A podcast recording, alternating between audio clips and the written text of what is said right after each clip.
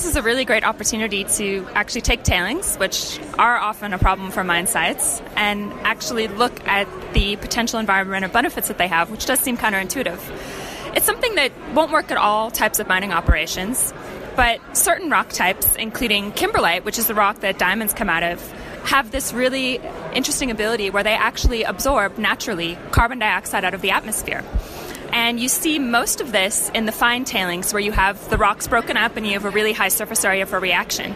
So naturally, you'll see that there's some capacity for kimberlite tailings to take carbon dioxide out of the atmosphere.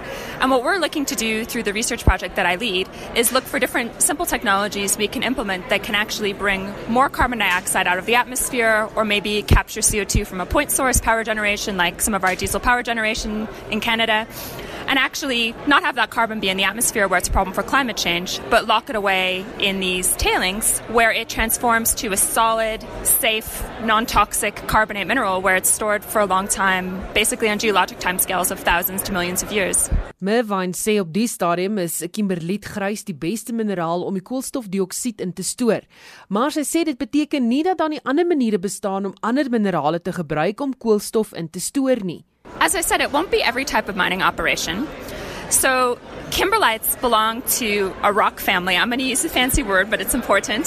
So, the family of rocks that kimberlite belongs to, it's called ultramafic rocks. These are really rare rocks. They're only found on about 1% of Earth's surface, land surface.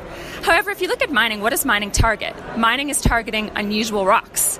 So, a lot of times when you go to mines, you find these rocks, even though they're somewhat uncommon on the earth. That's why we spend a lot of money on exploration trying to find kimberlites. They're not common. So, kimberlites are suitable. The rocks that are mined for platinum can also be suitable. Some nickel operations, some copper operations, asbestos mining, although we don't have much of that anymore, but that they, those rocks also have that capacity, talc mines, chromite mines, and a few others. Most gold mines, for example, aren't going to be in the right rock type.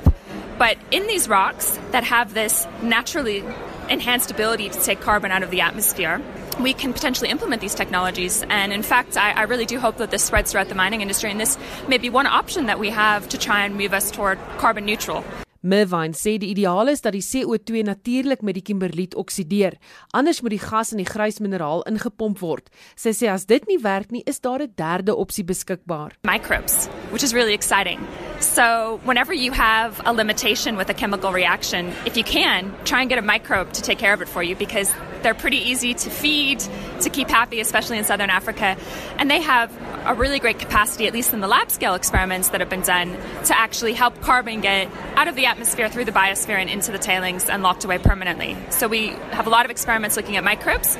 And then the last family of technologies we're looking at is something called cation exchange, where you just have really simple changes in terms of tailings management, where you try and encourage certain elements to get out of the clay minerals to react with CO2, because the, there's a lot of capacity for clays to react with atmospheric carbon, but it's a little difficult for those elements to get out of these sort of inner layers in the clays. So those are the approaches that we're focusing on and uh, it's it's really exciting. We're in lab scale pilots now, and next year we're hoping to go scale up a bit. Actually, do some very small field pilots out in real conditions out in the environment, and uh, we will likely be doing that uh, both in South Africa and Canada. Sy sê hierdie proses kan as 'n aansporingsmiddel dien vir myne om meer te fokus op die ontwikkeling van tegnologie om klimaatsverandering te te werk.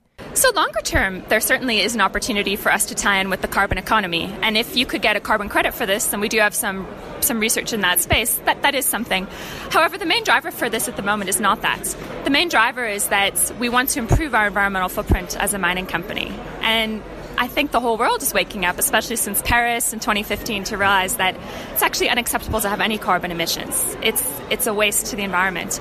And so De Beers has this ambitious goal that we want to operate a carbon neutral mine with a caveat. Diamonds are also carbon, so obviously we still want to get the diamonds out. Maar wat van gemeenskappe wat rondom die mynhope bly?